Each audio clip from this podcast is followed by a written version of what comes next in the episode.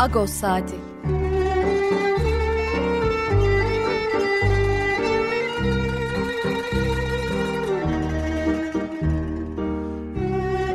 Haftalık Agos gazetesinin penceresinden Türkiye ve Dünya gündemi.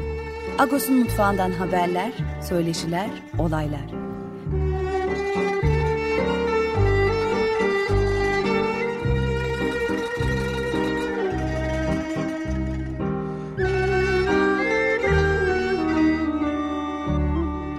Radyo Agos.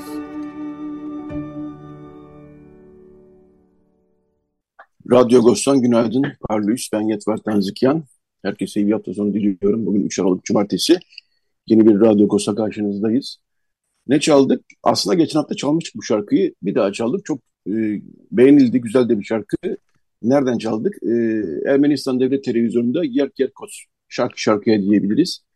Öyle bir program var. E, her pazar günü yayınlanıyor. E, lehçelere, Ermeni lehçelerine ayrılmıştı bir ay önceki program.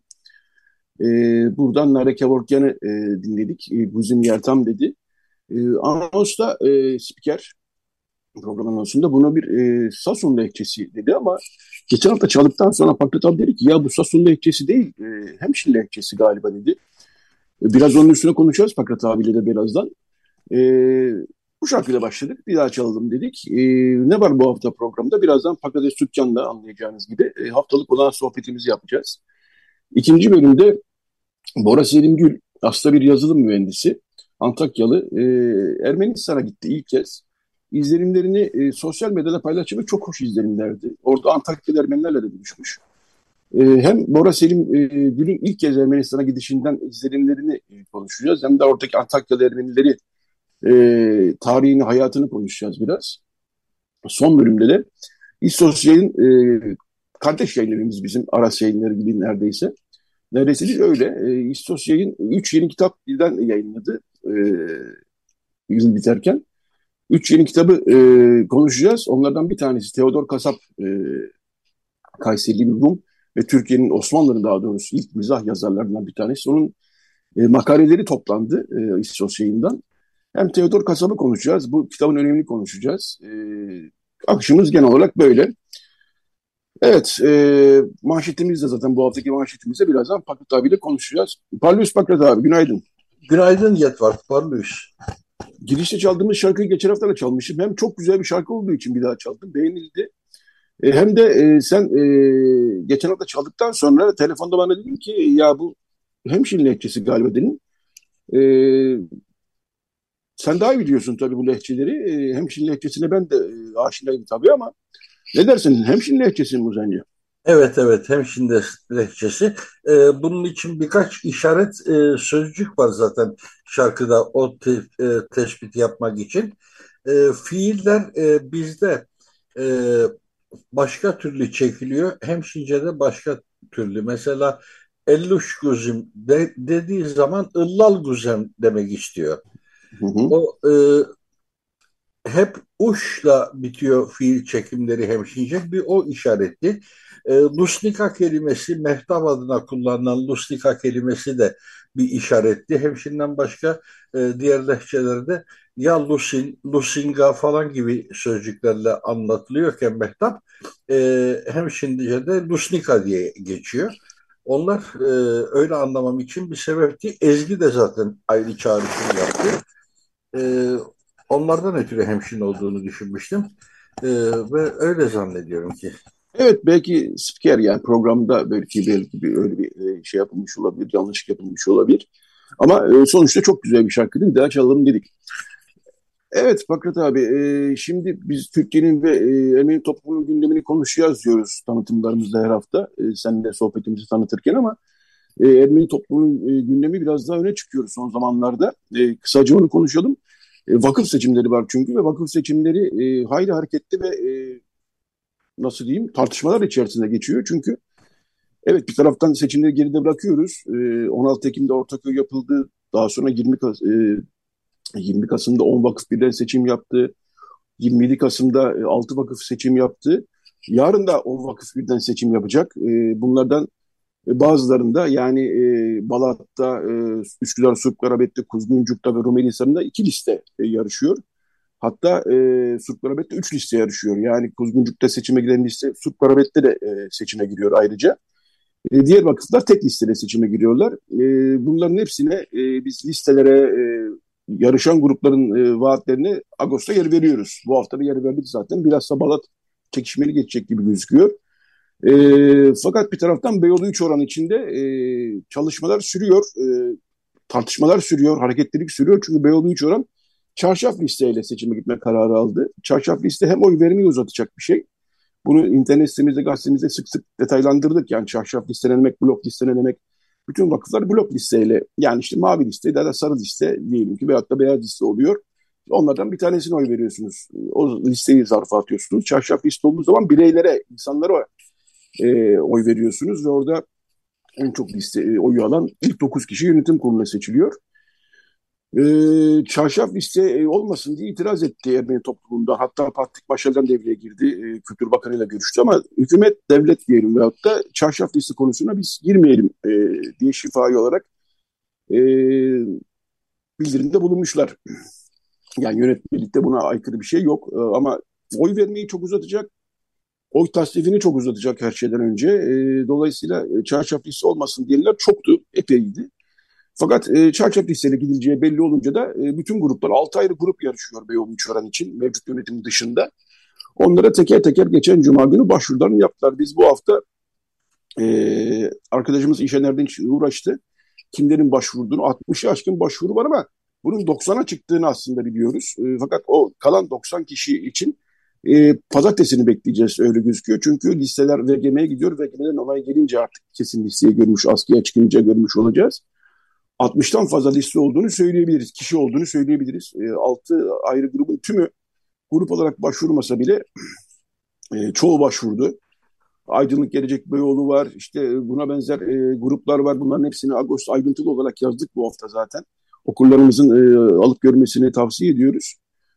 Dolayısıyla e, zor bir e, 25 Aralık'ta yapılacak seçim, zor bir seçim bizi bekliyor gibi gözüküyor. E, yani bu çarşaf listede de e, gruplara oy verebilirsiniz ama sonuçta bireylere oy vermeniz lazım. Yani belki orada e, seçimden önce hangi grup, hangi kimin hangi gruptan olduğunu görebilirsiniz ve ben bu grubu seçmek istiyorum derse seçmenler onların isimlerini işaretleyecekler ama seçmeni zorlayan bir durum birincisi. Dediğim gibi bir oy tasnifini çok zorlayan bir durum. 90 kişi de başvurmuş durumda. Neler dersin Fakat abi sen kulağına çalınanlar neler? E, şunu diyebilirim, e, Türkiye'de büyük toplumun taktikleri nelerse siyaset alanında e, ufacık Ermeni azınlık toplumu da aynı taktikleri e, kullanıyor, aynı yöntemleri kullanıyor. E, çarşaf liste gerçekten de bu seçimin hani bir tabir var ya, vardır ya bu seçim karakolda biter diye o hale getirecek diye kaygı duyuyorum. Çünkü senin de dediğin gibi özellikle tasnif süreci çok uzun sürecek. Ee, aldığım duyumlara göre Rum toplumunda da bir vakıf çarşaf listeyle seçime gitti ve oy sayımı gerçekten çok uzun sürdü. Üstelik de çok daha az sayıda bir oy kullanılmışken, birkaç yüz oy kullanılmışken sayım çok daha uzun sürdü. Ee, burada ben zannediyorum ki e, Yaratutun için Beyoğlu Kilisesi Vakfı için katılım da çok yüksek olacaktır. Şu ana kadar 5000'i geçmemiştik ama bu seçimde geçme ihtimali olabilir. E, bu da sayımın özellikle oy kullanma işlemi ayrı bir handikap ama sayım da çok ciddi bir e, tartışmalara yol açacak e, tablo oluşturacak karşımızda. Üstelik de e, bazı isimlerin burada e, blok e, seçmen e, taşıma ihtimali de çok yüksek. Dolayısıyla çok kaygılıyım bu süreçten. E, yöneticiler de zaten Üçaran Vakfı yöneticileri, Beyoğlu Vakfı yöneticileri tam da bu kaygı duyduğu şeylerin oluşmasını istediler. E, o yüzden en baştan ortak bir seçim kuruluna katılmadılar biz kendi seçim kurulumuzu oluşturacağız dediler. E, o seçim kurulunun oluşumunda da çalışmalarına da tek bir aklın e, hakim olduğuna eminim neredeyse. Bunu kanıtlayamam ama e, o izlenim konusunda eminim.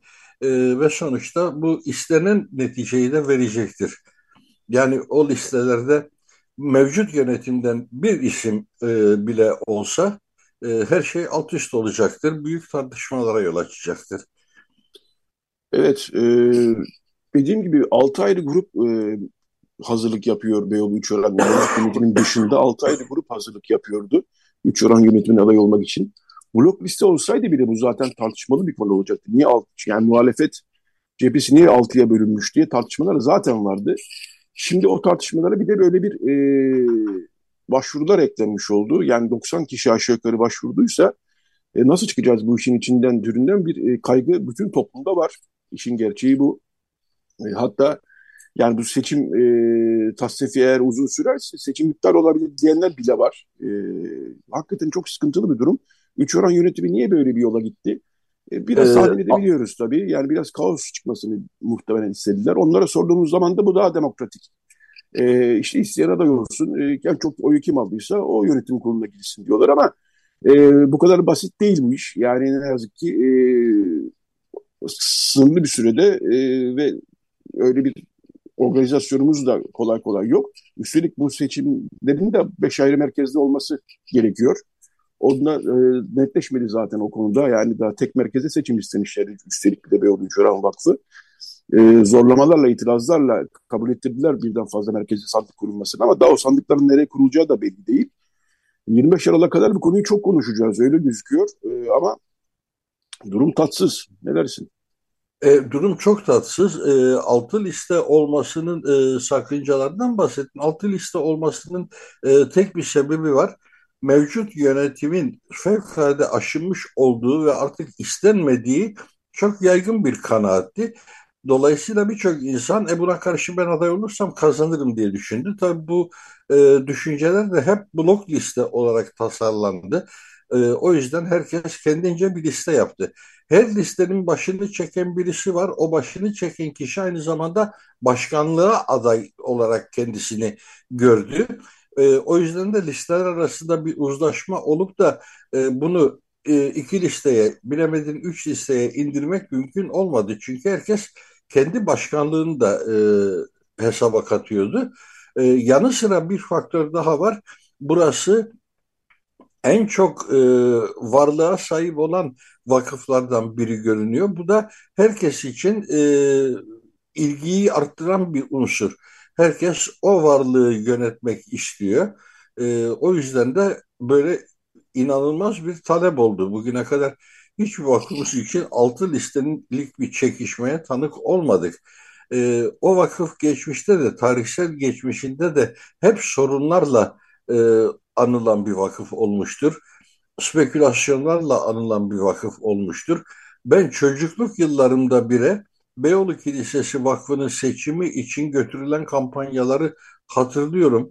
Ee, bizim yaşadığımız Feridiye Sokağı'nda o e, eskinin Strapentelli e, yani 8 kişi alan e, dolmuşları o gün kiralanırdı ve gün boyu yer ortutuna seçmen taşırdı taraftar. Herkes kendi taraftarlardı. O otomobillerle kolaylık olsun diye Feridiye'den e, ev ev, e, hane hane insan taşırlardı oraya. Bunları hatırlıyorum e, ve dediğim gibi hep de şaibelerle anılan bir vakıf olmuştur. Bizim gazetemizin eski sayılarında bu şaibeler e, çok anlamlı yazılara da dönüştüler tarihçesi itibarıyla. Hatta ta o e, Elmadağ'daki Şurpagop mezarlığının e, kamulaştırılması sürecinde de e, bu vakıf yöneticilerinin nasıl roller oynadığı, içlerinden nasıl ajanlar çıktığı, e, polis teşkilatıyla nasıl akçeli ilişkiler yürüttüklerine dair e, ve bunların ta yargıya yansımasına kadar tarihinde bir sürü hikaye olan bir vakıf. Bu özelliğini bugüne kadar da korudu. Hiçbir zaman e, güvenilir bir vakıf olmadı orası. Şimdi de bu şaibelerle seçime gidiyoruz. Ne diyelim yani e, gene Türkçe'de bir deyim var bindik bir alamete gidiyoruz kıyamete gibi bir durum içerisindeyiz. E, ben hiç hayırlı beklentiler içerisinde değilim bu seçimin hem uygulanmasından e, hem de sonuçlarından çıkacak olası sonuçlarından. Yani seçimden sonra da orada kavga eksik olmayacak gibi geliyor. Evet, niye önemli bu vakıf? Ee, belki bazı dinleyicilerimiz bilmeyebilirler. Tokatlayan Han e, bu vakfa ait. Bu vakfın mülkü. Esayen Okulu bu vakfın mülkü. Taksim'deki büyük Esayen Okulu bu vakfın mülkü. Taksim civarında başka mülkler de var. Ee, Üç Oran Kilisesi balık pazarındaki bu vakfın mülkü. Yani dolayısıyla kıymetli e, ara, e, mülklere sahip bir vakıf. Dolayısıyla tartışmalar, mücadeleler eksik olmuyor. Bakacağız, yaşayacağız, göreceğiz. Ha bu e, herkes başvuru diye bakarsınız e, şey de olabilir. Yani bazı insanlar çekilebilir, bazı gruplar birleşebilir. Çünkü daha yaklaşık olarak 3 hafta var seçime. E, yani 25 Aralık'ta seçim. Belki öyle şeyler de olabilir. Olmayabilir de. Göreceğiz, yaşayacağız, göreceğiz. E, hakikaten e, zor bir durum. Ben sana e, son 5 dakikaya girerken şunu söyleyeyim. Sen geçen hafta hoş bir konsere gittin. Yeniköy'de. Hanende Zaharya'nın e, eserlerine dair e, bir canlı konser vardı. Evet. E, yazı da yazdım bu hafta Agos'a. E, nasıl tatlı bir konser miydi? E, birkaç cümle ondan bahset istersen. Ee, bahsedeyim. Yani e, o müzik türüne ilgi duyanlar için akademik düzeyde de e, bir konserdi. Çok e, konusunda başarılı insanlar, e, klasik Türk müziği daha doğru ifadesiyle Osmanlı müziği dediğimiz müzik türünde e, kelimenin gerçek anlamıyla e, bilimsel bir konser izledik sanki. Akademik bir e, konser izledik. Öncesinde zaten bir de sempozyum düzenlenmişti. E, Birçok bildiriler okunmuştu. E, Yeniköy Kilisesi'nin yaptığı bir organizasyondu bu. Avusturya Konsolosluğu da destek oldu ona e, konsolosluğun o tarihi binasında biz bu konseri de izledik. Hem atmosfer etkileyiciydi hem müzikal performanslar çok etkileyiciydi. E, bir itirafta bulunayım. O konserin mesela kaydı olsa ben o kaydı iki defa dinlemem. Çünkü o müzik türüne e, fazlaca bir ilgim yok genel olarak. Ama orada e, çok hem e, hoşluk yaratan bir e, konser oldu bu e, hem de merak ve ilgiyle e, izledik. Yani benim unutmayacağım konserlerden birisi oldu diyebilirim. Evet 18. yüzyıldan bahsediyoruz. Hande Zaharya'nın e, icra dönemi. Dolayısıyla eski Osmanlı müziği e, Rumların, Ermenilerin, Yahudilerin, e, Süryanlerin içinde oldukları bir müzikten bahsediyoruz. Alevilerin, Alevi nefeslerin de içinde oldukları bir müzikten bahsediyoruz. O anlamda ben de merak etmediğim değil e, konseri. E, son e, iki dakikamızda da e, daha da uzun konuşmak gerekir aslında ama süremiz bu kadar olduğu için söylüyorum. Tahir Elçi'yi aldık. E, 28 Kasım 2015'te öldürülmüştü e, Tahir Elçi, Diyarbakır Barosu Başkanı. Dört ayaklı minarenin e, altında bir basın açıklaması yaptıktan sonra çatışmalı süreçte tarihi eserler hedef olmasın dedikten sonra sokakta çıkan çatışma da öldürüldü. E, fakat sonra ortaya çıktı ki, e, büyük oranda ortaya çıktı ki aslında kurşunlar muhtemelen polislerin silahından çıkmış. Zaten üç tane polis e, tutuksuz olarak yargılanıyor bu davayla ilgili olarak bir taraftar ama yargılama istendiği yere gitmiyor. E, bir taraftan da Tahir Elçi'yi tabii eksikliğini hissediyoruz hele böylesi dönemlerde. Tahir Elçi de öldükten sonra biz e, bir güvercin daha vuruldu demiştik Agos'un manşetinde Kürtçü olarak. Gerçekten biri o da varış güverciniydi ve öldürülmeden önce de aslında yine büyük medya tarafından hedef gösterildiği bir süreç vardı. E, çok can sıkıcı bir dönemdi. E, adalet bir türlü yerini bulmadı. Biz e, Tahir Elçi'de Hrant Dik'ten ayrı tutmuyoruz işin gerçeği. Onu söylemek lazım ve onu da e, 28 Kasım'da Diyarbakır'da e, Diyarbakır Barosu'nun ve İç Türkan Elçi'nin katıldığı e, ve tabii sevenlerin katıldığı bir e, törende diyelim e, anıldı e, ve mahkemenin de eksiklikleri e, sıralandı. Adalet talebi sıralandı. E, birkaç cümle istersen e, bahsedelim abi. Sonra bu bölümün artık sonuna geldik. Çünkü. O mahkeme belki de hiç yürümeyecekti. Bu üç e, sanık da tutuksuz da olsalar hiç yargılanmayacaklardı. Eğer Diyarbakır Barosu e, bu cinayetin işleniş şeklini e, bir simülasyona dönüştürmeseydi, o simülasyon İngiltere'deki laboratuvarlarda yapıldı. Hem cinayet anının ses kayıtları hem de görüntüleri e, incelendi, eşleştirildi ve onlarla bir simülasyon yapıldı. Onun sonucunda biz e, Tahir Elçi'yi vuran merminin e, polis tabancasından çıktığı bilgisine haiz olduk ve ancak ondan sonra dava açıldı. Yani bu davanın açılması muhtemelen hiç istenmiyordu zaten. Bütünüyle kim vurduya götürülecekti Tahir Elçi. Senin de söylediğin gibi bir Hrant Dink cinayeti ve Tahir Elçi cinayeti arasında her zaman bir bağlantı kurduk. E, çünkü her ikisinin de ölümüne yol açan süreç benzer şekilde medyanın hedef göstermesiyle e, şekillendi. Tahir Elçi'yi hatırlayalım bir televizyon konuşması esnasında ifade ettiği fikirlerden ötürü hedef gösterildi. O fikirler de neydi? PKK'nın terör örgütü olup olmadığını e, tartışmaya açan bir tez ileri sürmüştü Tahir Elçi ve bu e, müesses nizam için kabul edilemezdi. Şu ana kadar e, üç harfli marketler dahil herkesi terörist ilan etmeye teşne bir siyaset anlayışı e, PKK'nın terör örgütü olup olmadığının tartışılması gibi bir konuyu taşıyamazdı, taşıyamadı ve Tahir Elçi zaten yargılanıyordu. Dava açılmıştı hakkında.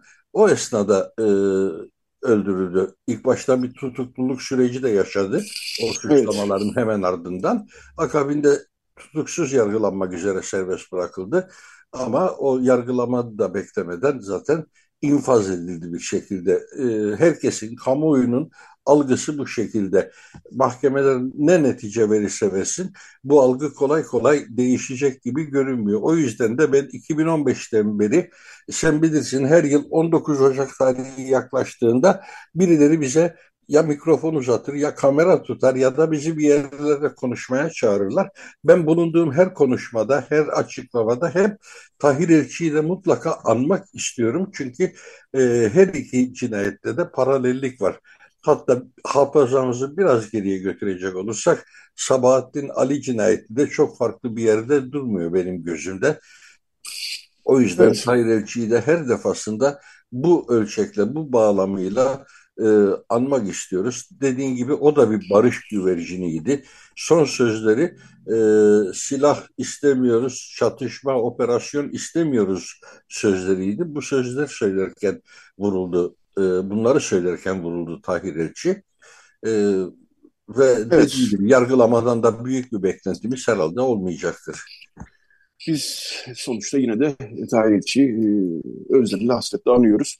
Çok teşekkürler Pakades Dükkan. Bu hafta olan sohbetimizi gerçekleştirdik. Teşekkür ediyoruz. Ağzına sağlık Ahbarik. Rica ederim. Ben teşekkür ederim. Kolaylıklar diliyorum. Evet bu bölümü kapatırken yine başta bahsettiğimiz kayıttan yani Yer Yer Kot Şarkı Şarkıya programından bir şarkıyla kapatalım. Bu sefer e, Diana Azaryan söyleyecek, e, Tamzara e, seslendirecek geleneksel bir şarkı. Daha sonra bir reklam aramız olacak. Daha sonra Radyo Agos Ermenistan'a ilk kez giden Bora Selim Gül'ün izlerinde devam edecek. Şimdi Diana Azaryan'ı dinliyoruz Tamzara. Radyo Agos devam ediyor. E, bu bölümde Antakya'ya uzanıyoruz. E, Zoom'la yayın yapabiliyor olmamızın e, avantajlarından bir tanesi de bu. Pandemi döneminde e, Zoom'da yayın yapma, e, Zoom üzerinden yayın yapma e, becerilerini geliştirdi Açık Radyo sağ olsun. Biz de e, hem Türkiye'ye hem de yurt dışına e, bağlanabiliyoruz böylece. Bora Selim Gül e, bu bölümde konumuz olacak. Bora Selim Gül ilk kez Ermenistan'a gitti. Ben de onun Twitter paylaşımlarından zaten gördüm bunu. E, ve çok hoş izlenimler aktardı e, Twitter hesabından. Daha sonra makalelerinin de e, eski makalelerini de paylaştı. Ermenistan üzerine değil ama Antakya Ermenileri üzerine, Antakya üzerine. Antakyalı birisi orası bir yazılım mühendisi aynı zamanda. Ee, ve o e, izlenimlerini okurken Twitter'dan bunu bir radyoda konuşsak ne hoş olur diye düşündüm ve kendisiyle temasa geçtim. Sağ olsun kırmadı e, Bora Selimgül de bizi. Ve konumuz oldu. E, günaydın e, Bora Selimgül. E, günaydın Antakyayen Paralus diyeyim. Ee, böyle başlayalım. Teşekkürler Paralus. Ee, ben girişte biraz bahsettim ee, sizin e, Ermenistan'a gidişinizden, e, oradaki izlenimlerinizden. Ee, hı hı. Çok hakikaten ilginç ve yani biz gittik geldik e, ama e, şunun için biraz da sizi radyoda konuk etmek istedim.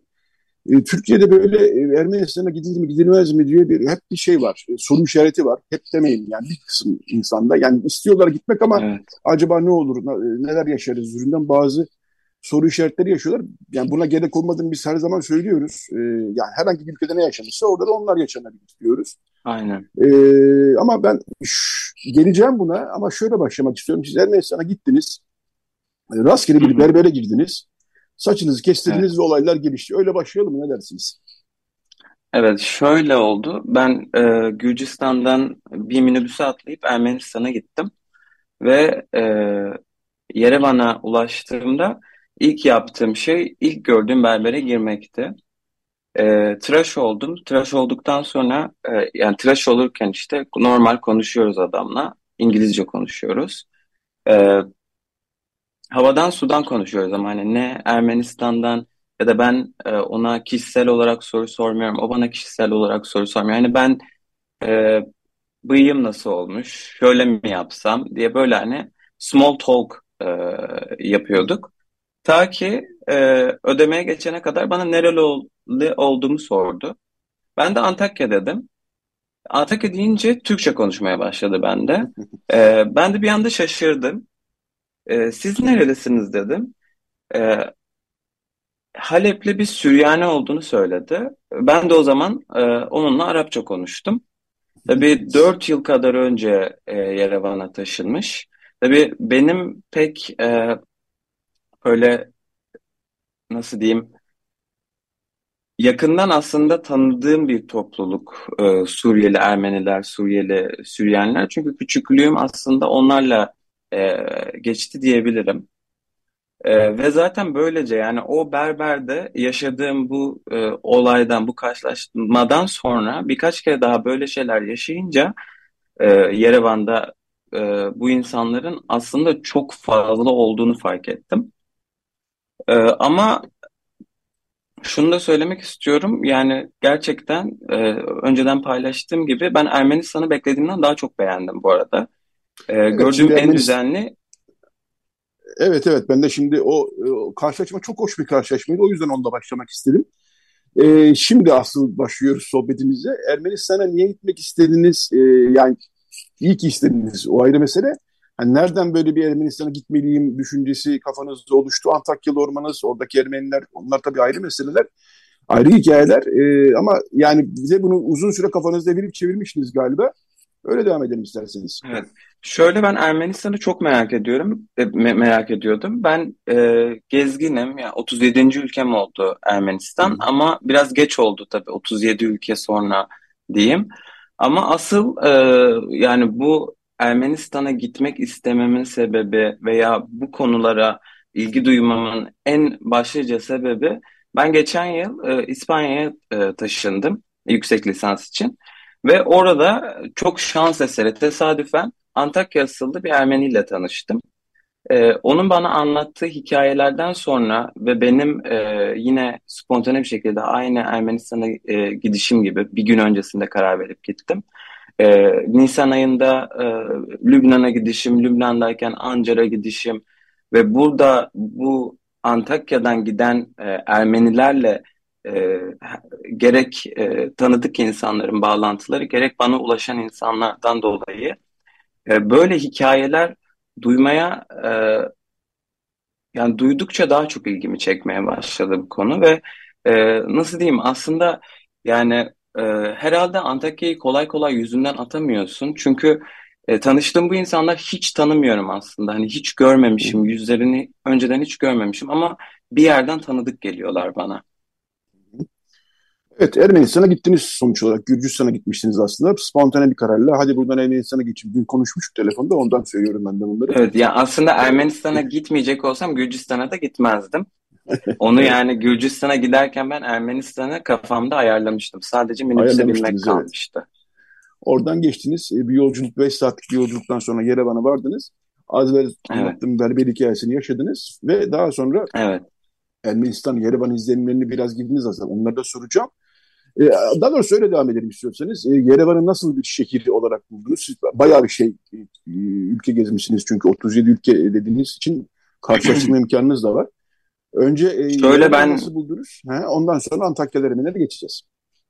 Ben Ermenistan'ı beklediğimden daha çok beğendim. Ee, yani aslında şöyle diyeyim, e, Türkiye'de hani Ermenistan hakkında aslında pek bir şey bilmiyoruz. Yani ya, yanı başımızdaki ülke komşu ülke ama hani çok yakın bize ama bir aynı zamanda o kadar da uzak. Bundan dolayı da ne kadar böyle internette fotoğraf görsek bile hani kafamızda yani kafamda canlandıramıyordum Ermenistan'ı.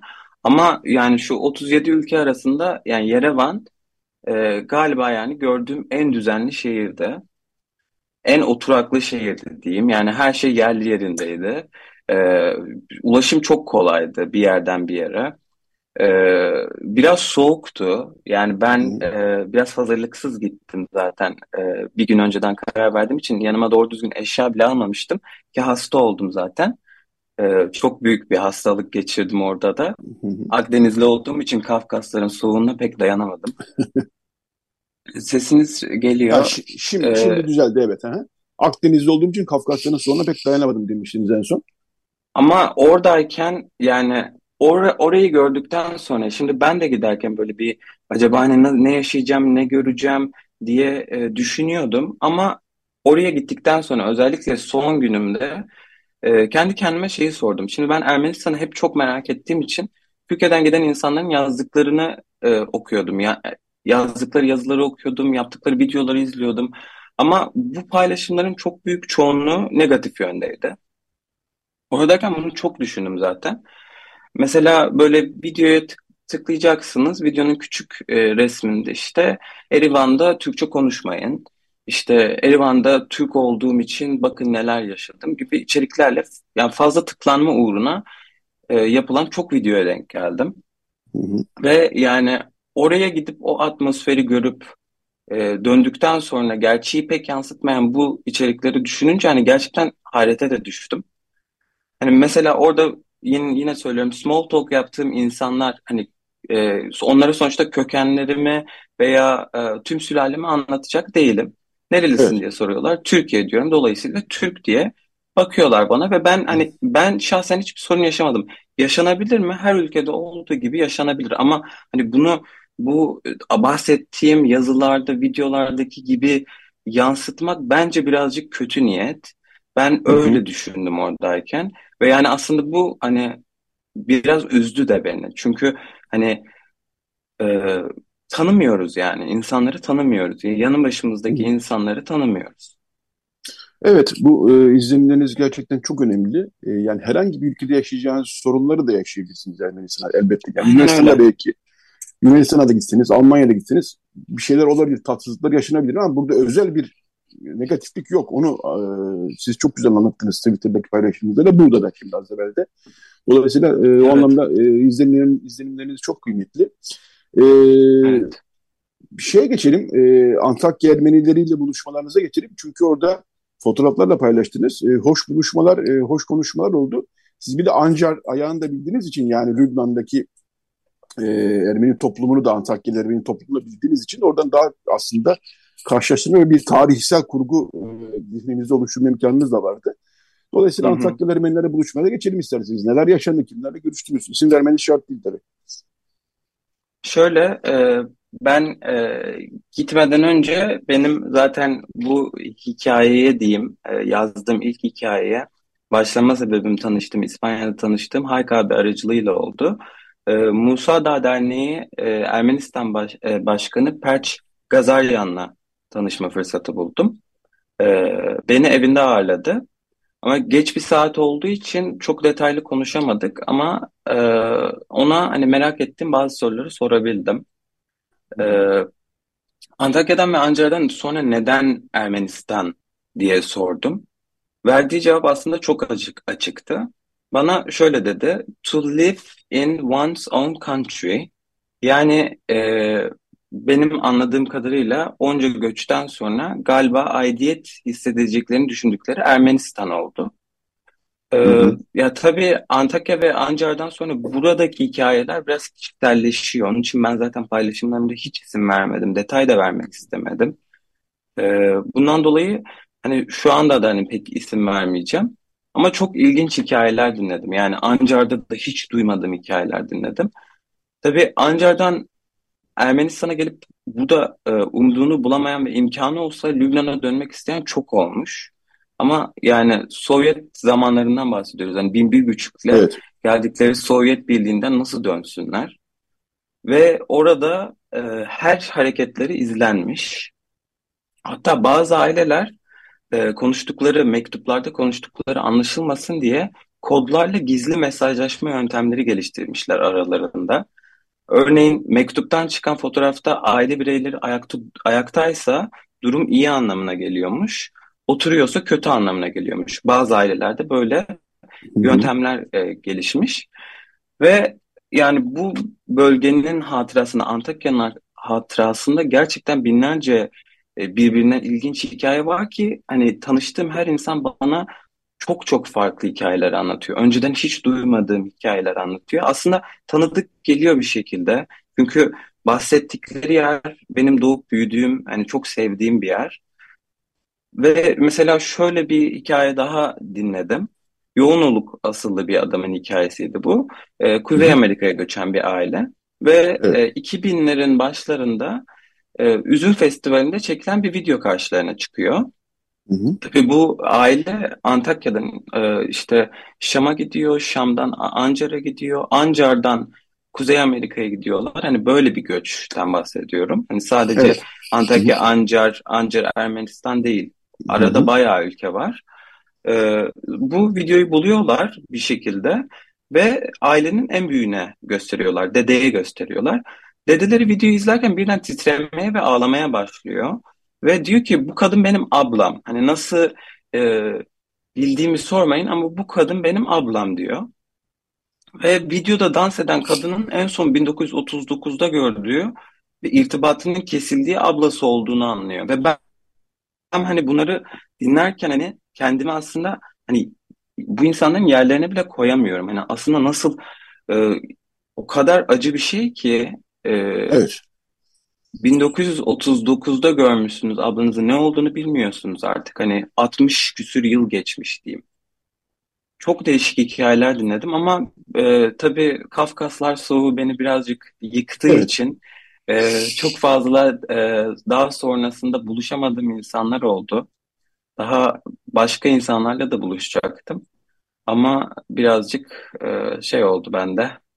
Evet, geçmiş olsun diyelim size. Ee, az önce bahsettiğiniz hikaye aslında e, çok ünlü bir hikaye. Yani o e, Stalin e, 1900 yanılmıyorsun 2. Dünya Savaşı'ndan sonra e, Ermeniler için bir çağrıda bulundu. E, ülkeniz, memleketinize dönün çağrısı da bulundu. Burada Stalin'in bazı siyasi hesapları da vardı. Şimdi onların detaylarına girmesek girmeyelim. E, ve İstanbul'a dahil olmak üzere ama İstanbul Türkiye çok fazla değil ama e, dünyanın çeşitli ülkelerinden birçok Ermeni bu çağrıya uyarak Ermenistan'a göç ettiler. E, ve e, bir kısmı belki de büyük bir kısmı e, hakikaten Sovyetler Birliği'nin sistemine alışmakta zorluk çektiler. E, çünkü hakikaten e, Stalin döneminden bahsediyoruz. Devletin büyük bir takibatı var. E, herkes takip ediyorlar. Ve o e, takibat içerisinde ve o e, evet kendi ülkeleri, e, kendi ana vatanları diye baktılar ama geldikleri ülkelere kıyasla büyük bir e, hükümet kontrolü, devlet kontrolüyle karşı karşıya kaldılar. Bunlar aslında bir parça e, biz duymuştuk başka vesilelerle. E, sizin bahsettiğiniz hikayede biraz böyle bir hikaye. Ve e, umutsuzluğa kapılanlar oldu. Geri dönmek isteyenler olduğunu biliyoruz. Orada kal her şartla rağmen orada kalmak isteyenler olduğu olanlar daha fazlaydı. Ve kaldılar e, aslında. Ve e, bu da aslında böyle bir Ermenilerin dünya saçılmasının ara ara fasıllarından bir tanesi e, oldu. E, genel Ermeni tarihi için söylüyorum bunu. Ama Ermenistan'ın da e, nüfusunu oluşturan e, yap, etmenlerden bir tanesi oldu. E, Antakya Ermenileri de hem bu e, vesileyle gidenler var hem işte 1915'ten sonra önce e, sizin de bahsettiğiniz gibi Halep'e, e, Lübnan'a oradan Ermenistan'a gidenler de var. Dolayısıyla orada Antakya Ermeniler bir e, kalabalık diyebileceğimiz bir grup oluşturmuş vaziyetteler. Şimdi e, gittiğimizde de görmüştüm. E, epey yani 2-3 yıl önce gitmiştim en son. E, ve daha haberlerini de alıyorum. Aslında e, Halep yani son Suriye Savaşı'ndan sonra da gidenler oldu epeyce bir Ermenistan'a.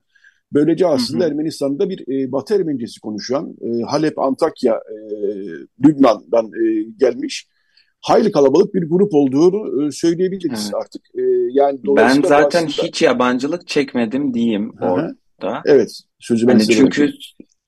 Çok pardon sözünüzü kestim. Yok orada. yok ben tam size bırakacaktım. Evet buyurun.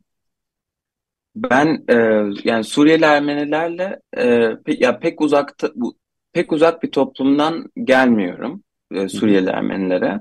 Yani e, küçüklüğümden bu yana e, küçüklüğümde babamın çok Suriyeli Ermeni Süryani arkadaşı vardı. Çok yakın arkadaşları. Hatta savaştan önce Halep'ten arabaya atlayıp böyle sırf bizimle akşam yemeği yemek için geldiler Antakya'ya.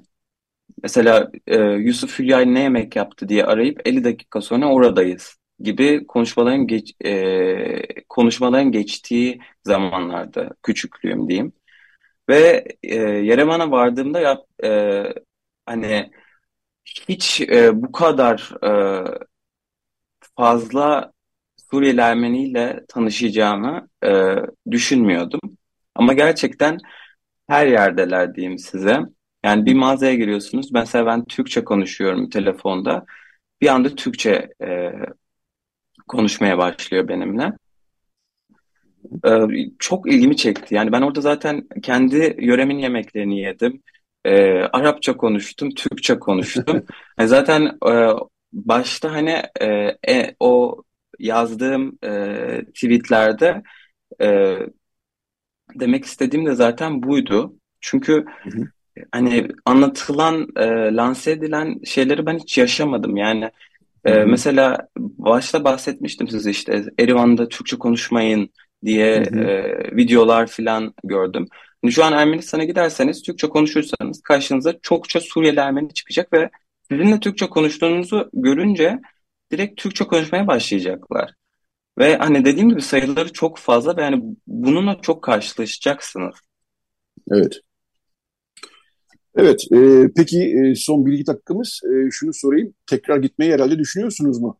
ne dersiniz? Çünkü hastalıklar ben, 5 günlük bir ziyarette sanıyorum şöyle tekrar gitmeyi şöyle diyorum. E, umarım yeniden gidebilirim ama bu sefer iki haftalığına istiyorum. Çünkü Ermenistan'ın hepsini görmek istiyorum. Ama bir daha asla kışın gitmem. Ee, ben alışık değilim öyle havalara. Ee, sıfır derecenin altına hiç alışık değilim.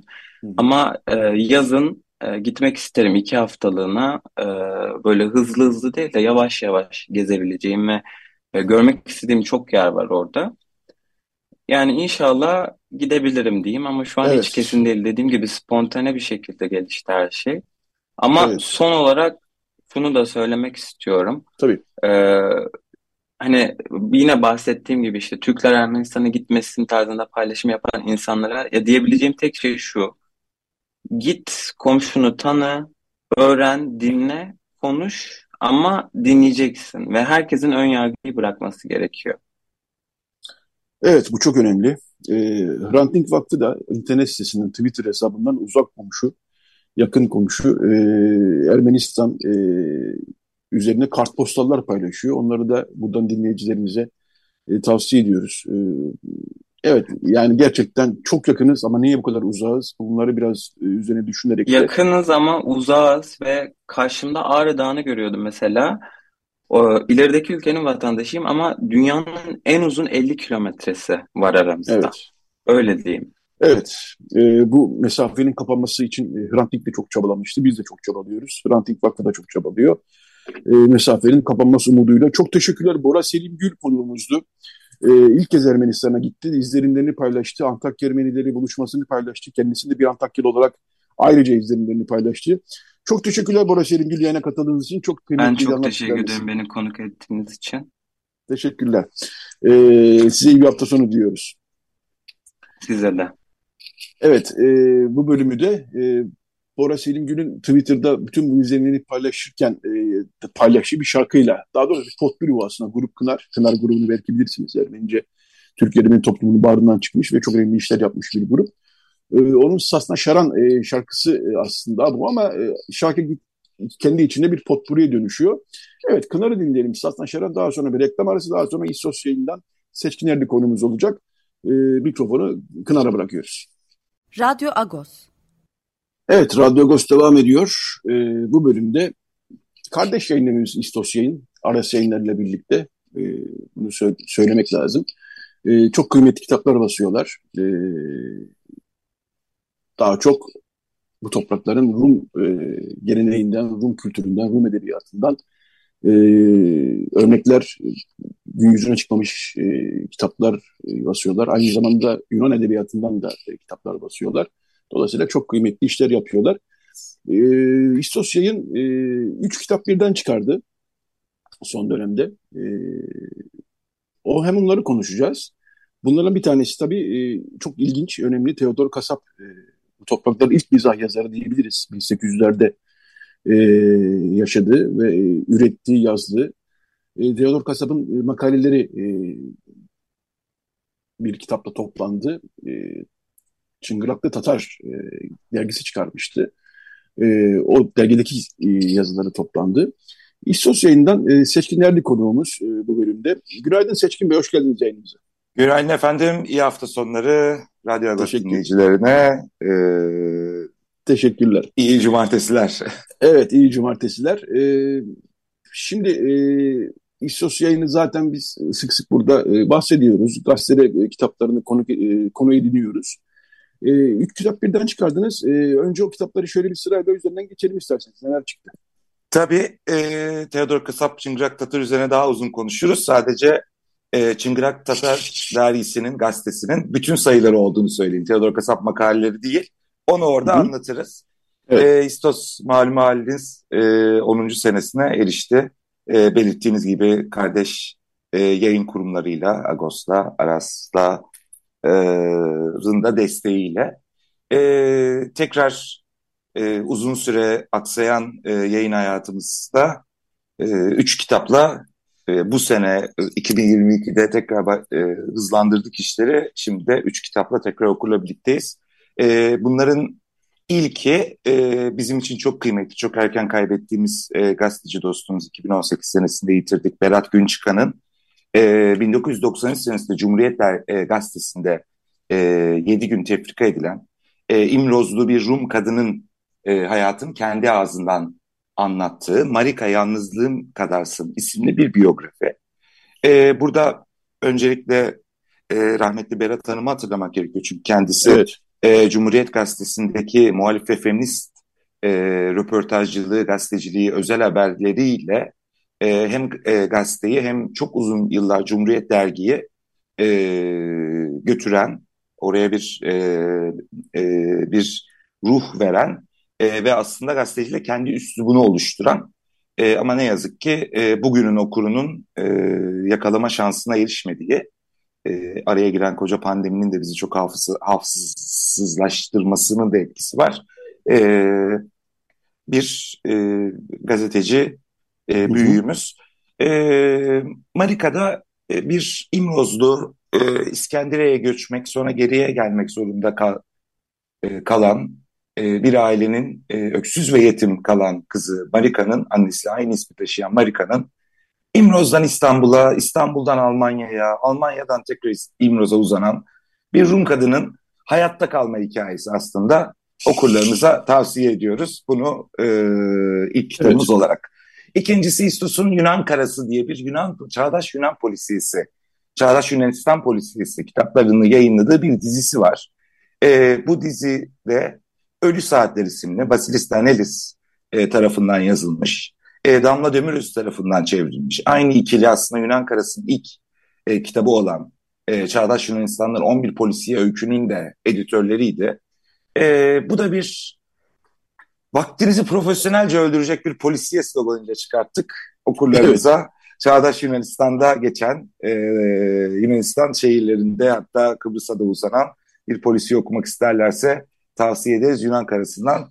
E, gelelim aslında e, bu topraklarda gazeteciliğin e, kuruluşunun Osmanlı gazeteciliğine damgasını vurmuş, mizah basının önderliğini yapmış e, Kayserili e, hemşerimiz Teodor Kasab'ın Çıngıraklı Tatarına. Çıngırak Tatar e, dergisi e, Teodor Kasab'ı çok iyi biliriz. İlk mizah dergisi Diyojen diye böyle evet. edebiyat kitaplarında bir slogan cümledir. Şimdi Rak Tatar Diyojen kapatıldıktan sonra e, 29 sayı çıkabilen ve kendisi de kapatılan e, bir Theodor Kasap yayını. E, Diyojen de bu şey cümleyi bildikten sonra işte ilk mizah dergisi bu mizahın içeriğini çok bilmeyiz tabii ki. Evet. E, ya da ilgilenenler bilir. E, bu bir e, siyasi hicvin e, aslında kurucu e, dergileri bunlar. Theodor Kasap kim? Theodor Kasap dediğimiz gibi Kayseri'de İstanbul'a gelmek zorunda kalan e, ekonomik nedenlerle ve eğitim için İstanbul'a gelen.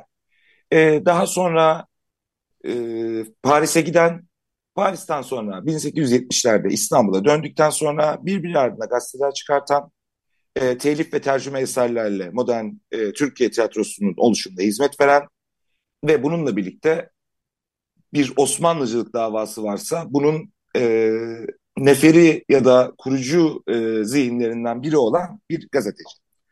E, Paris bölümünde tabii böyle heyecanlandırıcı e, magazin şeylerden en büyüğü bence fikri ve edebi dünyası kurulmasının da en önemli etkilerinden biri e, Paris'te Alexander Dumas'ın asistanlığını yapmış olması.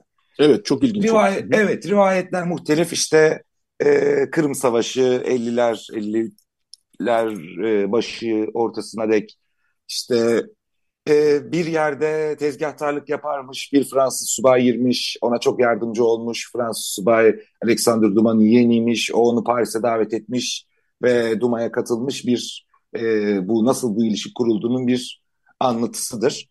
E, Çıngırak Tatar bütün sayıları yayınladık. Bütün sayıların girişinde e, aslında e, Türkçe'de bulunabilecek en en değerli toplu e, muhalif bir Osmanlı entelektüeli, entelektüeli Theodor Kasap isimli bir ön sözde yayınladık.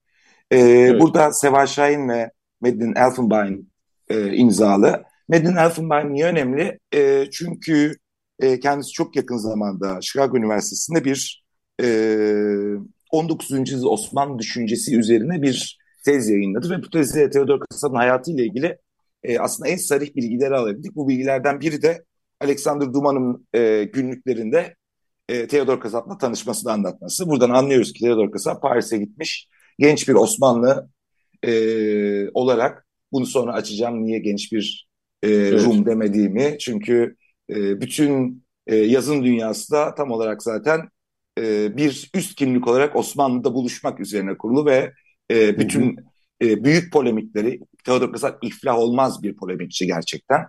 E, evet. E, hem Osmanlı basınıyla yani Osmanlı Türk basınıyla hem Osmanlı, Rum ve Ermeni basınıyla günlük gazeteleriyle e, her yazısında, her sayısında, Çıngırak Tatar'ın Diyojen'in de daha sonra çıkartacağı Hayal'in e, ve e, İstikbal Gazetesi'nin de bu gündemlerinden biri. Bir siyasi gündemi var.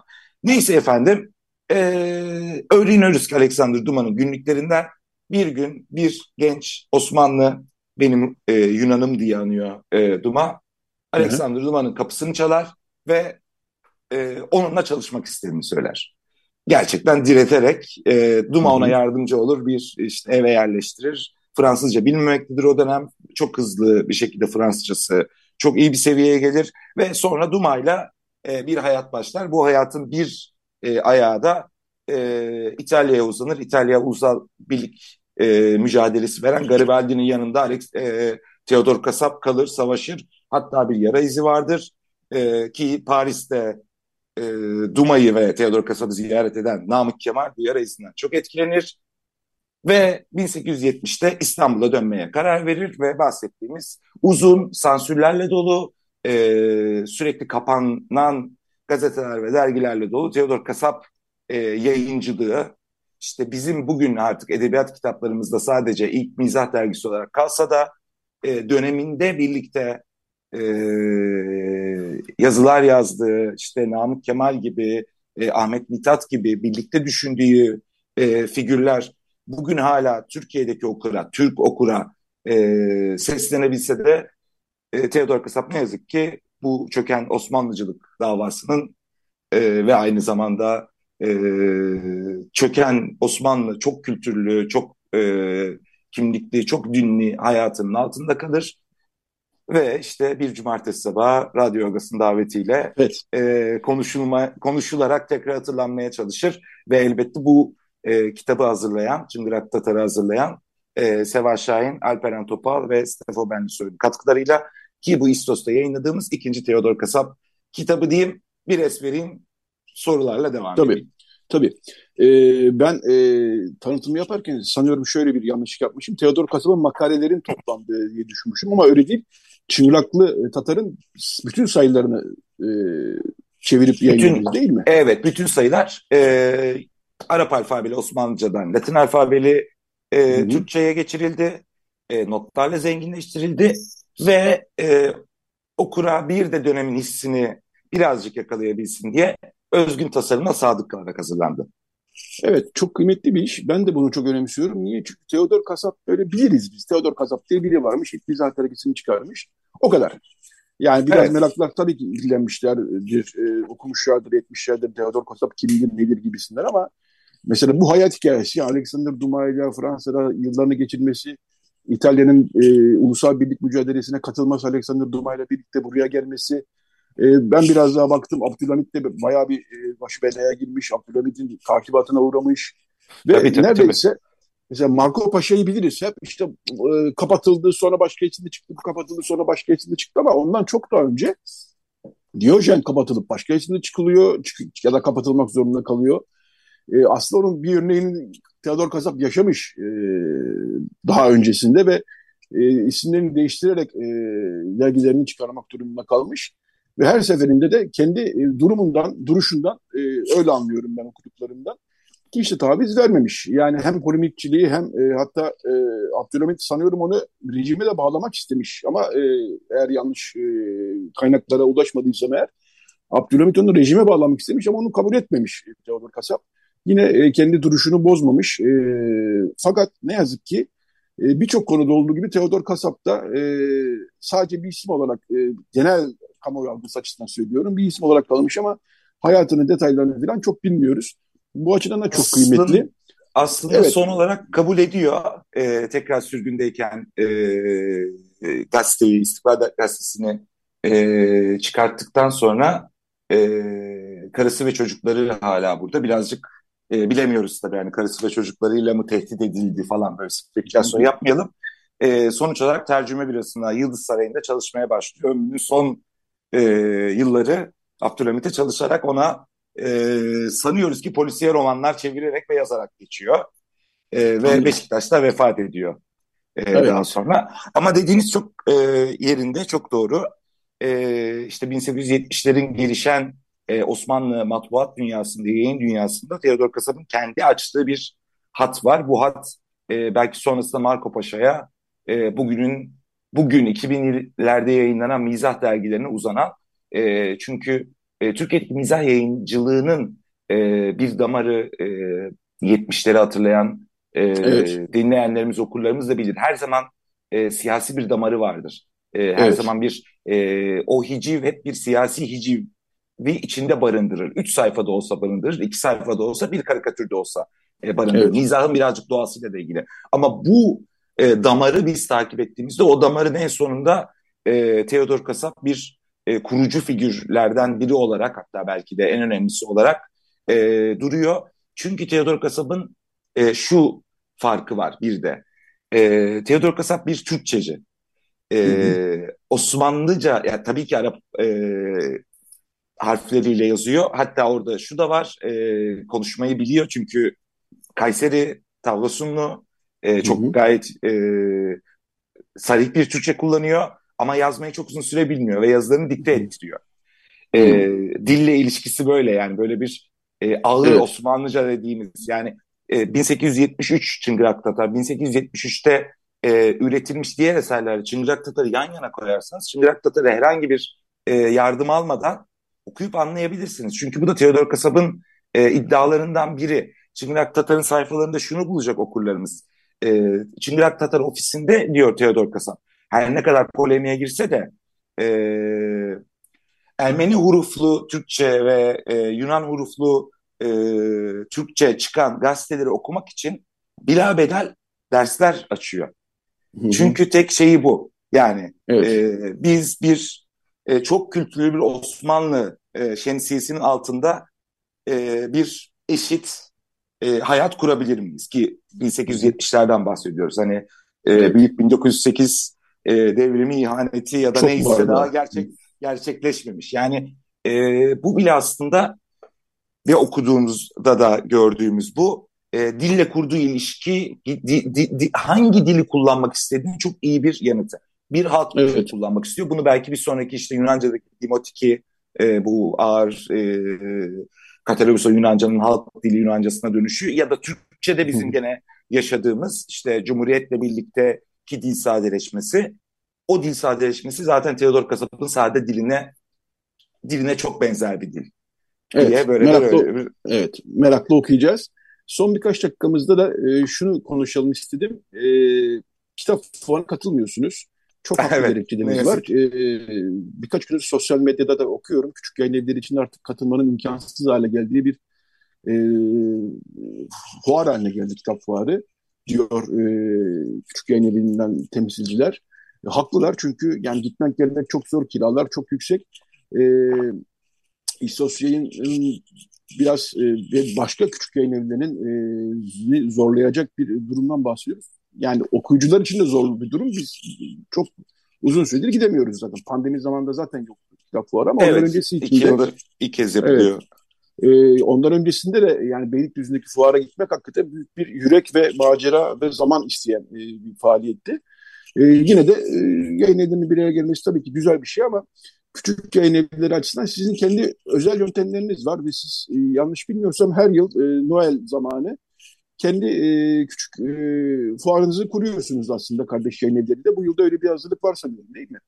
Evet, Noel'de ve Paskalya'da e, bir kitap panayırı yapmaya çalışıyoruz e, Aras Yayıncılık'la birlikte. E, bu yılda tabii e, yapma arzumuz var. Hala mekanı tam e, netleştiremedik.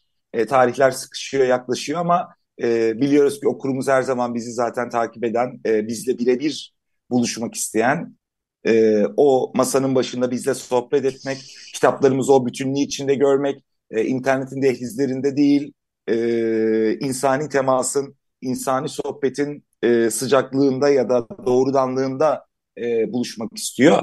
Bir taraftan aslında TÜYAP yanıtlı bu TÜYAP çok kıymetli bir, çok e, tarihselliği olan bir e, kitap buluşması İstanbul özelinde ama e, tabii özellikle küçük yayın evlerinin ekonomik olarak çok zor zamanlardan geçti. Yani sadece Türkiye'deki ekonomik kriz değil, global kağıt, kağıt krizinin de e, ve tabii ki okurumuzun e, yoksullaşmasının da e, etkisiyle zor zamanlardan geçtiği bir e, yıllarda e, TÜYAP sanıyorum bizim için, bizim gibi yayın evleri için çok uygun değil ama bu tür doğrudan buluşmaları, e, doğrudan satış noktalarını, e, etkinlikleri, sohbetleri, e, kitap panayırlarını e, arttırmamız, e, okurumuzu oraya davet etmemiz e, daha doğru ki dediğim gibi yani bizim okurumuz e, bu güzel gri ama tam da İstanbul'dan cumartesi sabahında bizi dinleyen okurlarımız e, böyle fedakar ve e,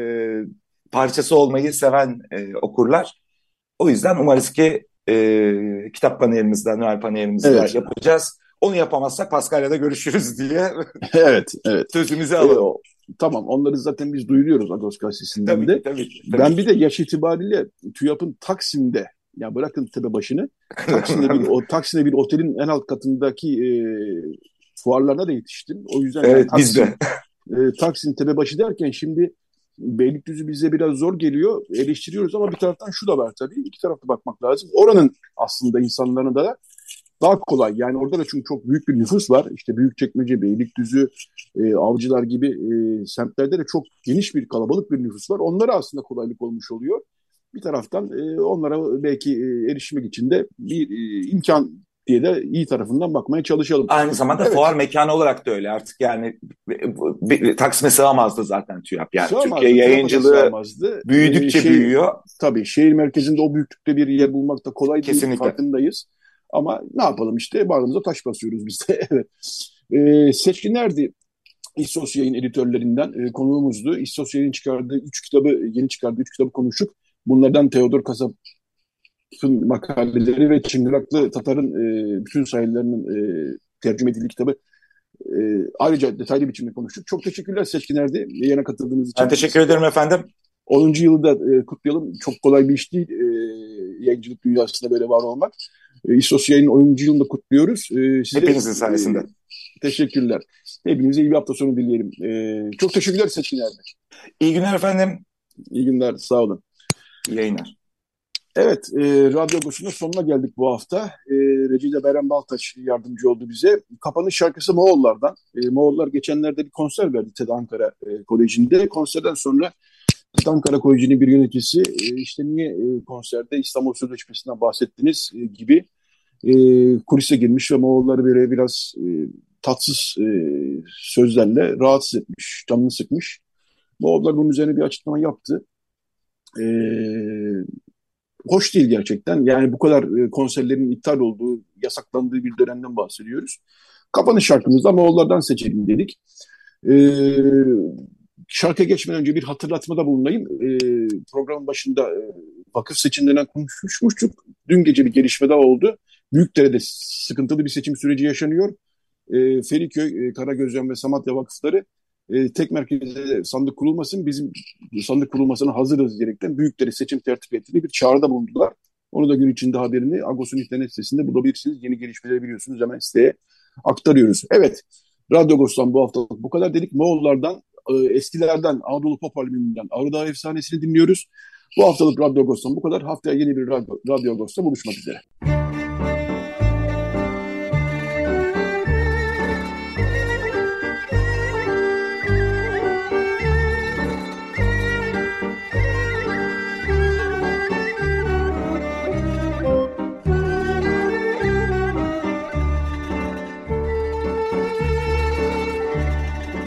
Agos Saati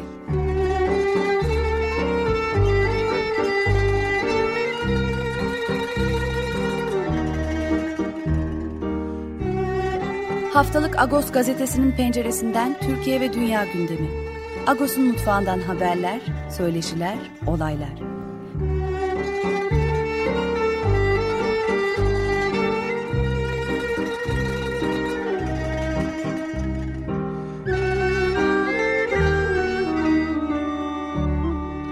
Radyo Agos